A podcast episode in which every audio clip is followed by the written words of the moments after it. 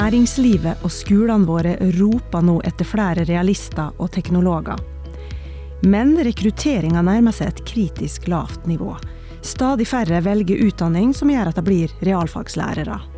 Og det gir grunn til bekymring. Tone Gregers, du er biolog og faglig leder for realfag ved lektorprogrammet her ved Universitetet i Oslo.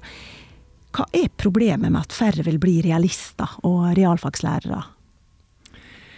Åh, nei, altså Realister eh, de trengs egentlig overalt eh, i samfunnet. Og eh, altså realfag det hjelper oss å forstå den fysiske verden som vi lever i. Og realfag hjelper oss til å finne løsninger på alle de utfordringene vi står overfor. Både innenfor helse, miljø og ikke minst klima og naturkrise. Og det er klart, uten realistene så hadde ikke vi kommet like greit ut av koronapandemien, faktisk, eh, som vi gjorde. Um, for uten realister så hadde vi ikke fått laget vaksine like raskt. Vi hadde ikke forstått helt hvordan vi skulle beregne eh, smittesporing, eh, tiltak som ble satt inn i samfunnet og, den, eh, og de tingene der. Så realister er helt essensielt eh, for våre liv, vil jeg si. Mm. Merete Frøyland, eh, du er geolog og instituttleder ved Naturfagsenteret her ved samme universitet. Eh, er du enig med, med Tone? Ja, absolutt. Er du bekymra? Ja, Altså det er et fag vi trenger i alle sektorer, faktisk. Nå hadde jo Tone et veldig godt eksempel her med pandemien. Men jeg tenker sånn planleggingen av samfunnet rundt oss, når vi skal bygge tunneler, når vi skal bygge byggefelt, at vi gjør det på trygge plasser, det gjør vi jo ikke alltid. Det har vi jo opplevd forferdelige ras rundt omkring. Hadde vi hatt eh, flere geologer, så hadde vi kanskje kunnet unngå den type farer. Nei, så realistene er veldig viktige, ikke bare av at de er geologer eller biologer, eller, men vi trenger de òg inn i politikken. Sant? Mm. Når vi skal ta gode valg for framtida vår, så må de ha en ballast når det gjelder realfag, for å kunne ta gode valg. Vi trenger det inn i skolen. Rektor. Vi vil gjerne at rektor òg synes at det er viktige fag, og sørge for at læreren til hun får videreutdanning og blir de beste naturfag- og matematikklærerne. Ja, så det er kjempeviktig. Mm. Og så er det viktig sammen med andre fag. Nettopp. Vi har òg en kjemiker og programmeringsekspert i studio i dag. Lektor Andreas Haraldsrud, eh, velkommen til det òg. Hvor bekymra er du for denne her realistnedgangen? Det er som Tone og Merete peker på, veldig viktig både for, eh, for yrket og, og, egentlig det å se kritisk på verden rundt seg. Da. Man lærer jo uh, å se sin egen plass som menneske i naturen, og man lærer å bli glad i naturen gjennom naturfagene. Man utvikler seg sjøl som menneske, og man eh, forholder seg kanskje mer kritisk til en del. Vi bombarderes jo av medieinntrykk og uh, altså alt fra kosthold til altså katastrofer, og, og, det er veldig viktig å kunne forholde seg kritisk til det, og der spiller jo realfagene en veldig viktig rolle. Mm. Nå har vi snakka om realfag, men eh, la oss hjelpe lytterne som kanskje ikke intuitivt skjønner hva alle realfag er. Hva, hva er realfaga? Tone? Eh, realfagene favner eh, egentlig ganske mye. Matematikk, selvfølgelig. Og alle naturfagene, som igjen favner biologi, fysikk, kjemi, geologi, geofag. Og så har vi også informatikk, og ikke minst teknologi, da, som på en måte bygger på alle, alle disse fagene. Um, ja. Mm. Bra, da veit vi det.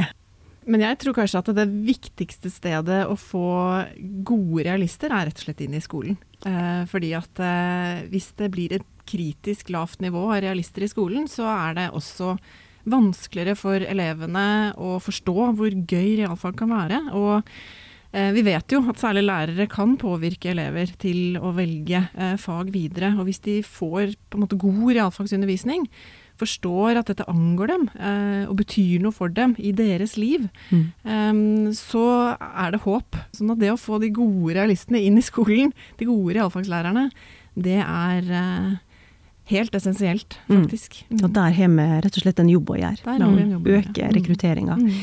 Men la oss gå inn i skolen, da. Eh, Fordi dere har jo møtt på disse her eh, superinspirerende realfagslærerne sjøl.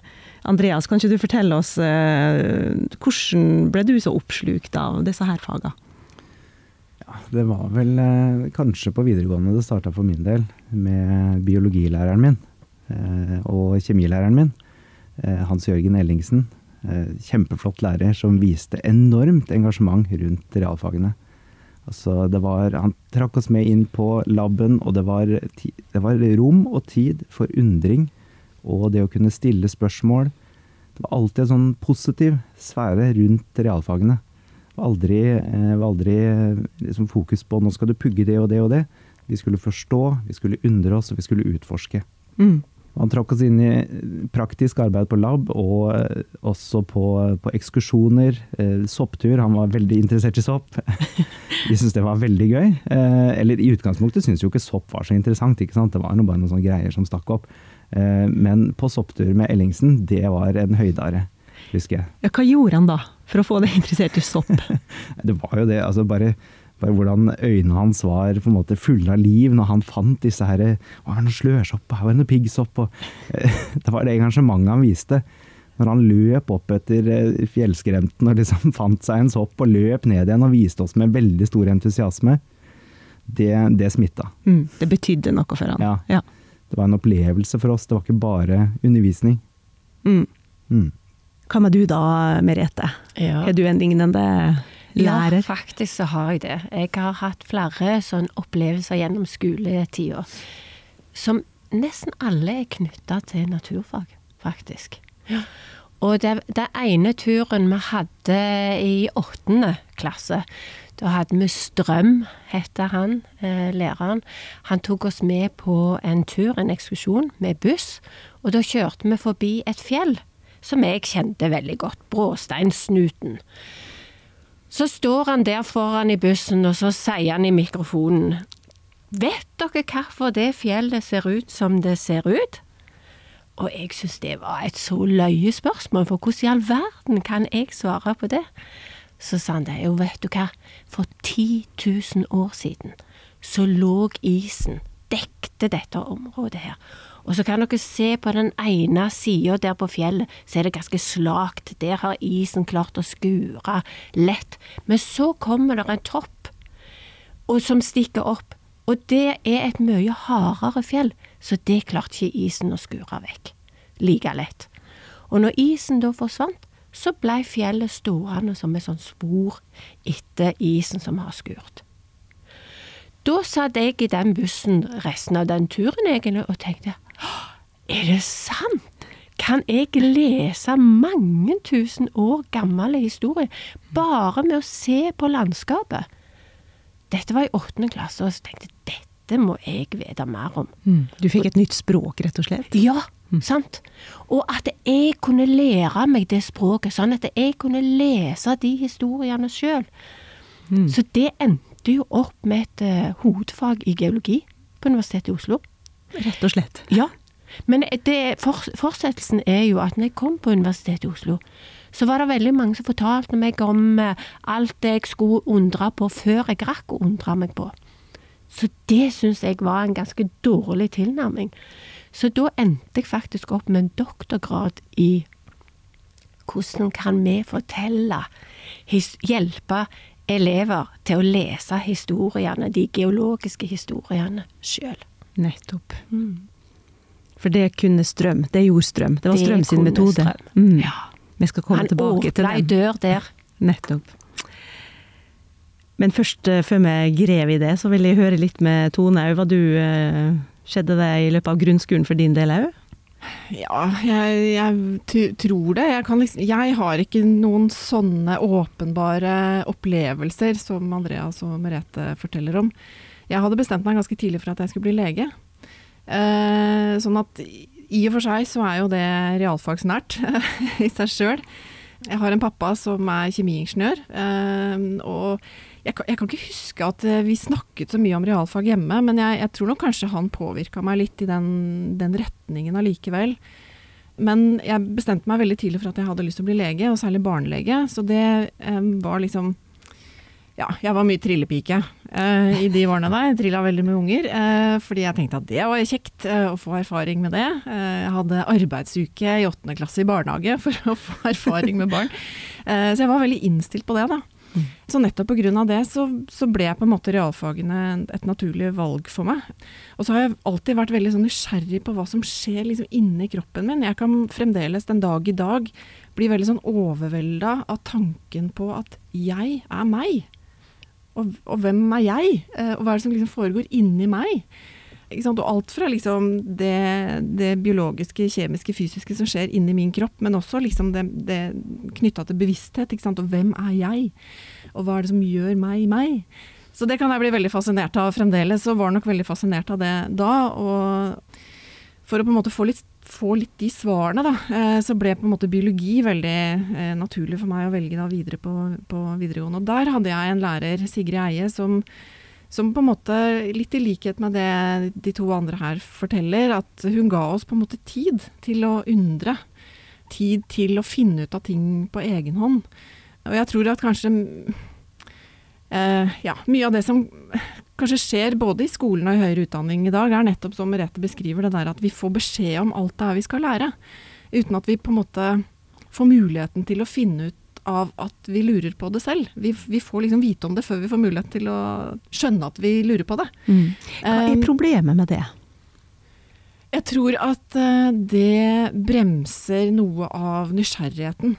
Hvis du liksom aldri får, måte, får tid til å la nysgjerrigheten og utforskertrangen få litt tid og rom.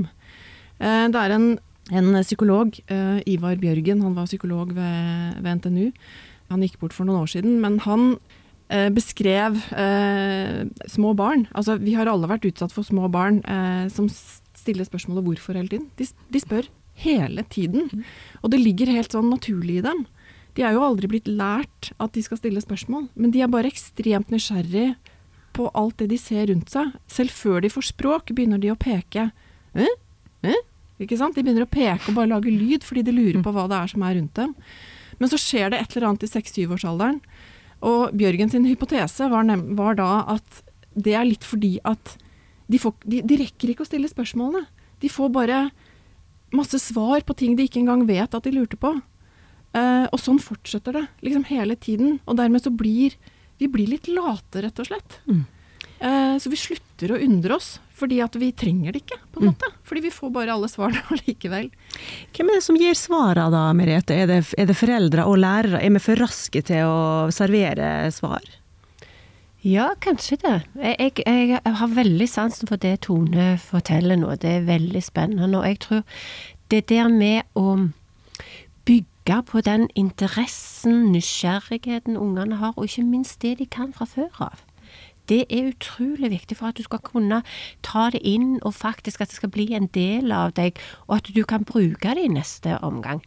Hvis vi bare pøser på med kunnskap, og det er litt sånn eh, i skolen, masse pensum, sant, og læreren føler seg forplikta til å gå igjennom hele pensumet, for det er mandatet til læreren, sant. Mm.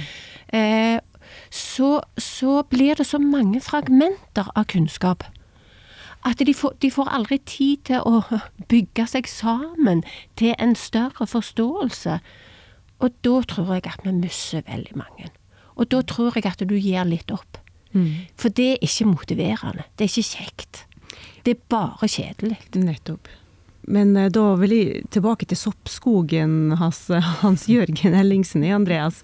Eh, han var ikke så redd for å gå glipp av, eller å kanskje glemme litt av eh, noen av måla i naturfagen. Nei, han visste hva som var viktig, og han visste og hvordan man skulle inspirere mm. og stimulere til undring. Det er jo det jeg har hatt med meg videre resten av livet. Ikke nødvendigvis navnet på de soppene, husker jeg ikke. Så det var ikke Altså, selvfølgelig, vi lærte mye. Faktakunnskaper, og det, det er jo en forutsetning for at man kan være kreativ med realfagene. Men vi lærte også mange generelle ferdigheter, som kreativitet og, og det å undre seg. Jeg syns det stadig er ting jeg liksom tenker på, sånn som Tone sa da, med, med kroppen. Inni meg så skjer det noe så enormt mye som, som, jeg kan stoppe opp noen ganger og bare tenke jøss, skjer det? Hvordan skjer det? Og så, så prøve å finne ut av det. Og det å kunne stimulere elever til akkurat dette her, det tenker jeg er kanskje den viktigste jobben til en realfagslærer. Mm. Mm. Merete? Ja, og der tror jeg du sa noe veldig viktig. Altså det der det er ikke alltid at det bare er faktakunnskapen som er interessant, men det er det å hjelpe eh, eh, elever eller barn og unge da, til å bruke noen verktøy til å undre seg og til å finne ut av. Altså det å forstå hvordan kunnskapen blir til. For hvis du gjør det, så kan du òg i større grad være litt kritiske til den, og kanskje bruke det kreativt. Så jeg tenker at istedenfor uh, disse her lærerne som skal gå gjennom alle, servere alle faktakunnskapene, at de heller dveler litt med at vi bruker litt verktøy, bruker litt tankeprosesser og praksiser som er i, i fagene våre, så tror jeg at vi gir barn og unge noen viktige verktøy. Mm. Og, og forskninga sier kanskje òg noe om hvordan man drar med seg elevene inn i realfagene? Ja, ja, jeg gjør det. Eh, lenge så trodde vi at det, at det holdt oss å skape interesse for faget. Så motivere og være litt sånn sprudlende engasjert i faget. Så rekrutterte vi alle sammen vi snakket med. Men så er det altså en gjeng i England som har gått litt mer sånn systematisk til verks.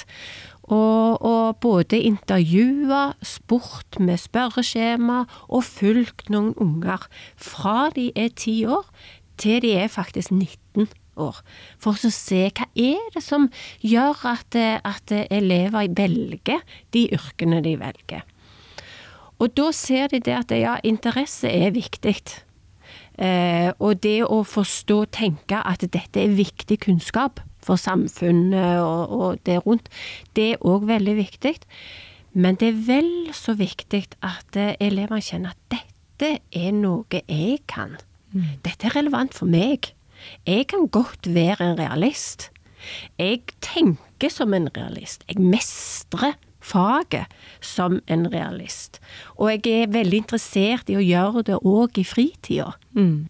Dette her er jo vel og bra, det, dette er idealet du snakker om nå, men eh, på ungdomstrinnet så har norske elever i snitt bare to timer og ti minutter naturfagsundervisning i veka. Dette er halvparten så mye som i andre nordiske land. Er det nok til å stimulere nysgjerrighet og utforskertrang da, Andreas? Ja, eh, man kan jo stimulere en del eh, nysgjerrighet og utforskertrang i løpet av et par timer i uka. Men eh, samtidig så får man liksom ikke tid til eh, den dybden man ofte trenger for å se sammenhenger i naturen. Eh, så vi skulle jo selvfølgelig ønske at det var flere timer med realfag i skolen. Som hadde hjelpe elevene kanskje å å forstå litt mer av sammenhengene i realfagene, og ikke bare se det som eh, løsrevne fakta, f.eks., som vi var litt inne på i stad. Mm. Men jeg skulle nok kanskje ønske meg eh, ja, si en time til da, eh, i uken. Det hadde gjort enormt, tror jeg. Um, fordi det som, det som, dessverre skjer, tror jeg, det er at det er nok veldig mange lærere som virkelig skulle ønske de kunne bruke mer tid på ting. At de virkelig skulle ønske at elevene fikk tid til å jobbe lenge, over lengre perioder med samme problemstilling. Men det er Selv om vi har fått en fagfornyelse, så er det fremdeles eh, mye stoff, da. Det mm. er fremdeles en del stofftrengsel. Eh, ser vi jo, særlig når vi går til lærebøkene og ser hva, hva som er der. Um, og lærerne er kjemperedde for å, for å liksom droppe ut noe, og spesielt i de fagene som da har, har eksamen, selvfølgelig. Ja, så så litt grann mer tid. Eh, det tror jeg hadde gjort eh, mye. Og litt mer sivilt ulydige lærere, kanskje? ja, kanskje. Merete? Ja, vet du hva, det tror jeg vi trenger. Men eh, vi kunne gjerne ha vært oppe på gjennom, internasjonale gjennomsnittet. Det hadde jo vært litt fint. Nå ligger vi under halvparten av gjennomsnittet, så det syns jeg gjerne var det minste vi kunne ha ønsket oss. For det at når du har den type undervisning som vi snakker om nå, som er litt utforskende, så tar det tid, sånn som Tone sier. Og mange ganger er det sånn at en har gjort en aktivitet, et eksperiment, og så idet du på en måte får litt sånn aha-opplevelser, skal begynne å diskutere hva var det vi gjorde nå, hva var det vi opplevde, og for, hva kan vi forstå ut av dette her, så ringer du ut. Mm. Ja. Nettopp. Og da, da mister du noen gylne øyeblikk. Mm. Menneskearten eh, hadde jo ikke overlevd, eh, klart seg, eh, hvis ikke vi hadde eh, hatt denne trangen til å finne ut av hvordan vi skal overleve. Um, og sånn er det egentlig med alle, alle levende organismer, og særlig dyr. da. Eh, har jo en sånn eh, Vi er jo Det ligger genetisk programmert i oss at eh, skal vi overleve, så må vi finne ut av hvordan vi skal overleve, rett og slett. Og det samme gjelder oss mennesker. Så vi er, vi er på en måte Det er naturlig for oss da, å lære. Og en naturlig måte å lære på er gjennom å finne ut av, finne ut av ting og utforske. Og, og, og, som jeg sa i stad, det ligger jo også helt latent i små barn. Altså vi, vi, har jo ikke, vi har jo ikke lært dem hvordan de skal lære. De, det, de, det, det, er de ferdig programmert til å klare. Um, og, eh, og, det gjør de ved å stille spørsmål. Mm. Uh, og så på et eller annet tidspunkt så slutter det, da. Mm. Uh, ikke sant? Ja, så, så, så, det er helt naturlig for oss. Og jeg tror at veldig mange elever oppfatter det som um, litt sånn meningsløst å bare skulle sitte og pugge formler og pugge strukturer og begreper uh, uten at det blir uh, liksom satt i en kontekst for de. Og litt sånn som Merete sier, at når de, når de gjør et eksperiment sant, Lærerne har veldig lyst til at elevene skal få lov å utforske og gjøre eksperimenter og undre seg. Og så ringer du ut, og så mister du den konsolideringen, som vi kaller det. Mm. Og det mm. finnes jo også forskning på at er det noe som det er for lite av i skolen, så er det rett og slett den konsolideringen. Den der, det der å få tid til å ja, la det liksom synke litt inn og, og oppsummere og, og, snakke om det som har, har, skjedd. Og når det blir borte, så tror jeg det er Det er nok ikke helt uten verdi, men i hvert fall mindre verdi å gjøre alle disse eksperimentene uten at det på en måte blir, eh, blir konsolidert. Mm, for det er der innsikta kommer. Ja, mm. Eh, det er det. Andreas, hvordan, hvordan, jobber man eh, kreativt med programmering i skolen? Altså, programmering tenker jeg på som én av mange ulike måter å utforske på. Altså alt fra disse turene ut, der du får trå litt i mosen og kjenne sånn duggfrisk morgen eh, på ansiktet Eh, til, til, det å utforske ting på laben, blande ting sammen, se hva som skjer.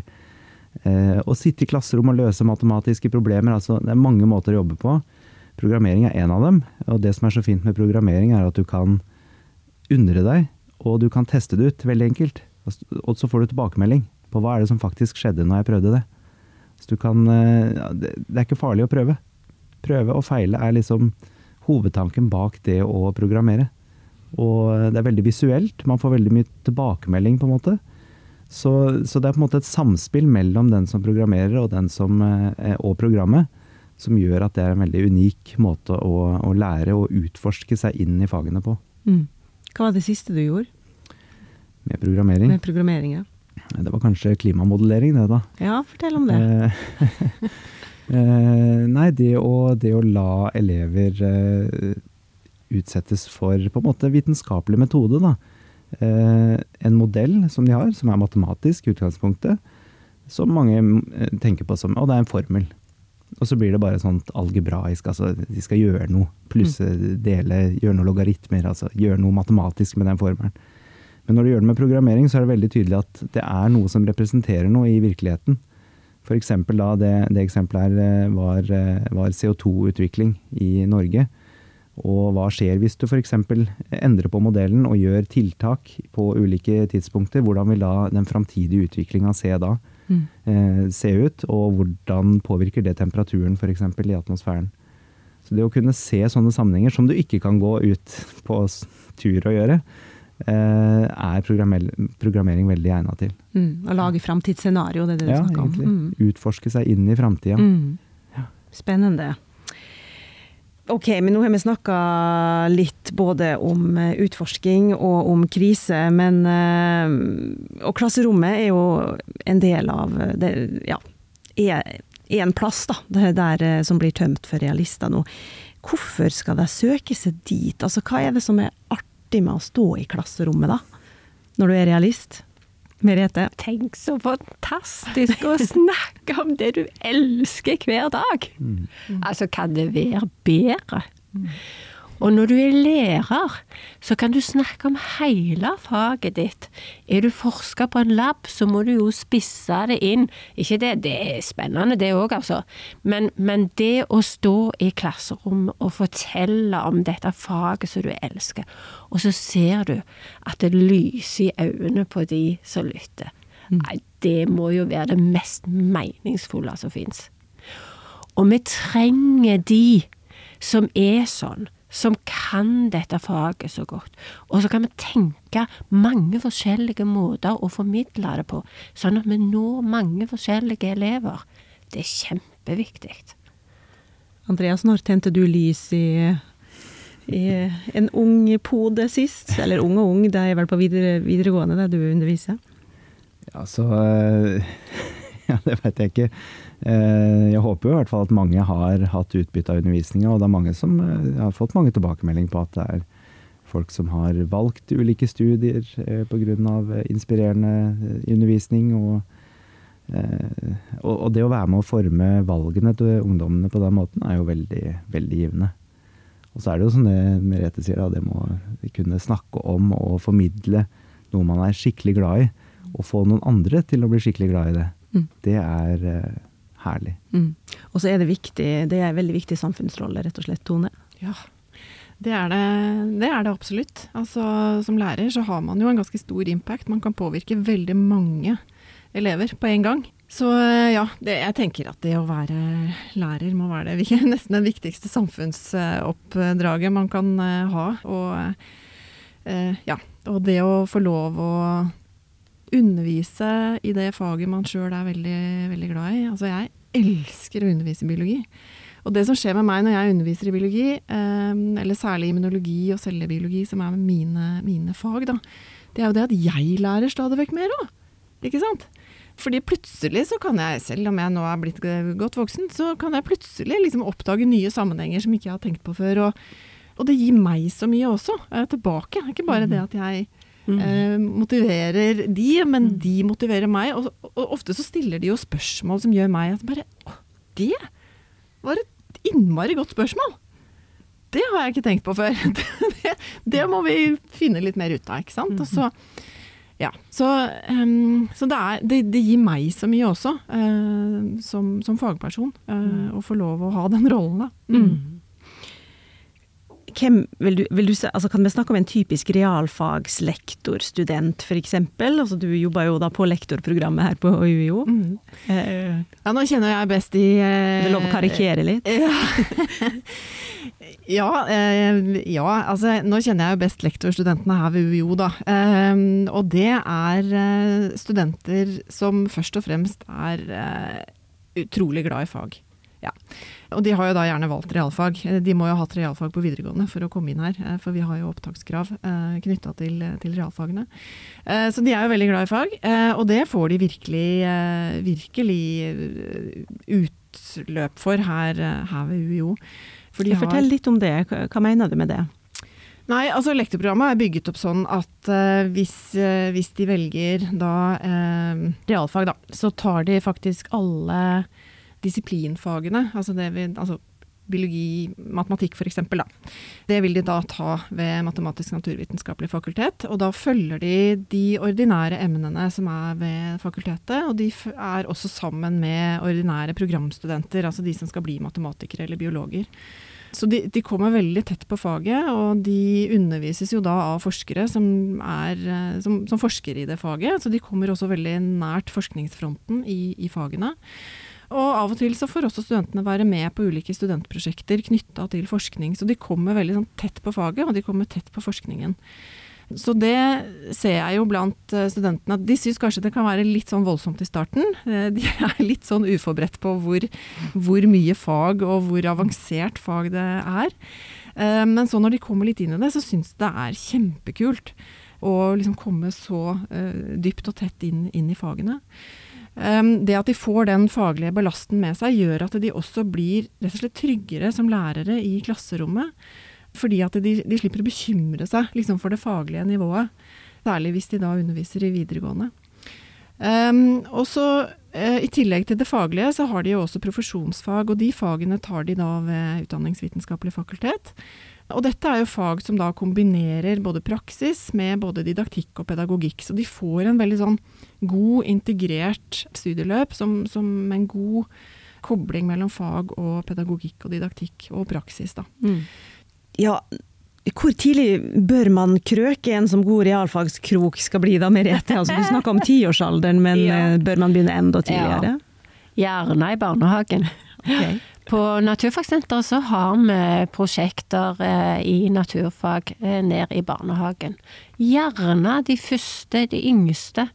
Vi har et prosjekt som vi kaller for Språksterk. Og der bruker vi faktisk naturfag eh, som et utgangspunkt for å lære barn å snakke. Lære språk, altså for å oppnå språkutvikling.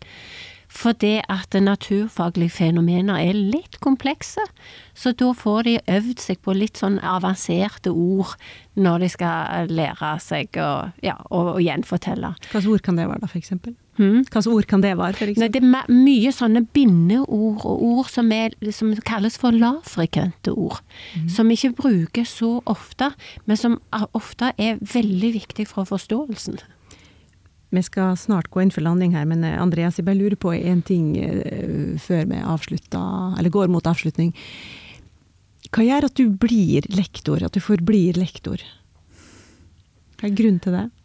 Det er, uh, altså det er både den som jeg snakka om, kjærligheten for eget fag. Altså for egne fag. Det er jo litt det med å se mangfoldet her i, i realfagene. Det er så mye spennende i alle realfagene. Eh, og så er det det at det er, et, eh, det er et yrke der du får møte mennesker. Veldig mange mennesker som du har mulighet til å påvirke. Det er en veldig meningsfylt jobb. Eh, og som du har mulighet til å glede med realfag. Og det er, det er kanskje det beste med hele, hele, yrket. Det å kunne stimulere til undring, få masse gode spørsmål som du også lærer mye av. Det, det holder deg gående mm. resten av livet.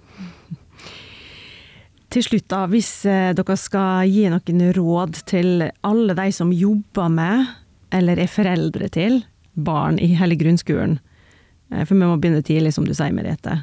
Hvordan skal vi inspirere ungene våre til å, til å utforske disse her fagene videre? Hva, kan, hva støttefunksjon kan vi være, med som er foreldre eller rådgivere? Det er bare å nevne i fleng her. Hvem vil begynne?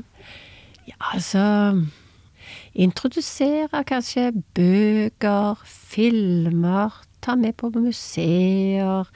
Um, uh, gjør litt sånn nummer av av hva tid det er naturfaglige kunnskaper som, som Altså, nyheten er jo helt fodla av naturfaglige kunnskaper. Ja to vanskelig svare på. Nei, ikke sant. Jeg, jeg satt og lurte på hvordan kan jeg svare på det med liksom én setning. For det, det, er jo, det, er jo, ikke alltid Det er ikke så lett å, å, å si én ting. Men, uh, men, jeg tror det er viktig å, um, i hvert fall som foreldre, da, uh, å, å snakke, snakke, om det. Um, og hvis man ikke er realist selv, uh, så, så, er det liksom litt det der å undre seg litt sammen med barna og, og ungdommene. Nå skal det sies at jeg har to døtre som ikke blir realister, så, og enda så mye jeg har snakket med dem om dette. Ingen garanti, altså. Så det er, ikke, det er liksom ikke noe likhetstegn mellom det å liksom være realist selv og, og, elske faget sitt overalt, og bare fordi bare 'Å, mamma', når jeg står med rumpa i været og skal vise de en mose, da. Eh, men, eh, men, eh, men ja, så det er liksom ikke noe fasitsvar på det, men jeg, jeg tror at det å jeg tror kanskje de elevene som du snakket om i stad, Merete, de som egentlig er interessert i naturfag og realfag, men som kanskje ikke helt identifiserer seg med det. Mm. At man må på en måte prøve å identifisere de, Mm. eh, og motivere de til å forstå at eh, de kan. Og dette er noe de kan få til, og dette er noe de kan mestre, og dette er noe de kan eh, bygge videre på. Og unge i dag er veldig opptatt av hva de skal bli. Ikke sant? Em, og de er så fryktelig redd for å ta feil valg. Men er det noe som kan eh, få dem inn i de aller, aller fleste sektorer, så er det realfag. Mm. Andreas, har du noe å legge til? Jeg syns det var godt sagt, det. Altså, Både det med, eh, det med, det med undringen, eh, å stimulere til det allerede fra tidlig, eh, og det med at det er eh, veldig viktig for samfunnet for å kunne løse, ikke bare for å få jobb, men for å kunne løse framtidens problemer og utfordringer. Med klima, bærekraft, artsmangfold, alt vi står overfor, eh, som er eh, ekstremt viktig at noen kan noe om, og bryr seg om, ikke minst. Ikke minst. Tusen takk for praten, eh, realfagsentusiaster. Tone Gregers, Merete Frøyland og Andreas Haraldsrud. Du har hørt en episode av Det utdanningsvitenskapelige fakultets podkast Læring. Innholdsprodusent var med Monica Bjermeland, og teknisk produsent var Shane Colvin. Del gjerne episoden med en venn eller kollega. Dere finner oss der dere vanligvis lytter til podkast. Takk for følget, og god utforsking.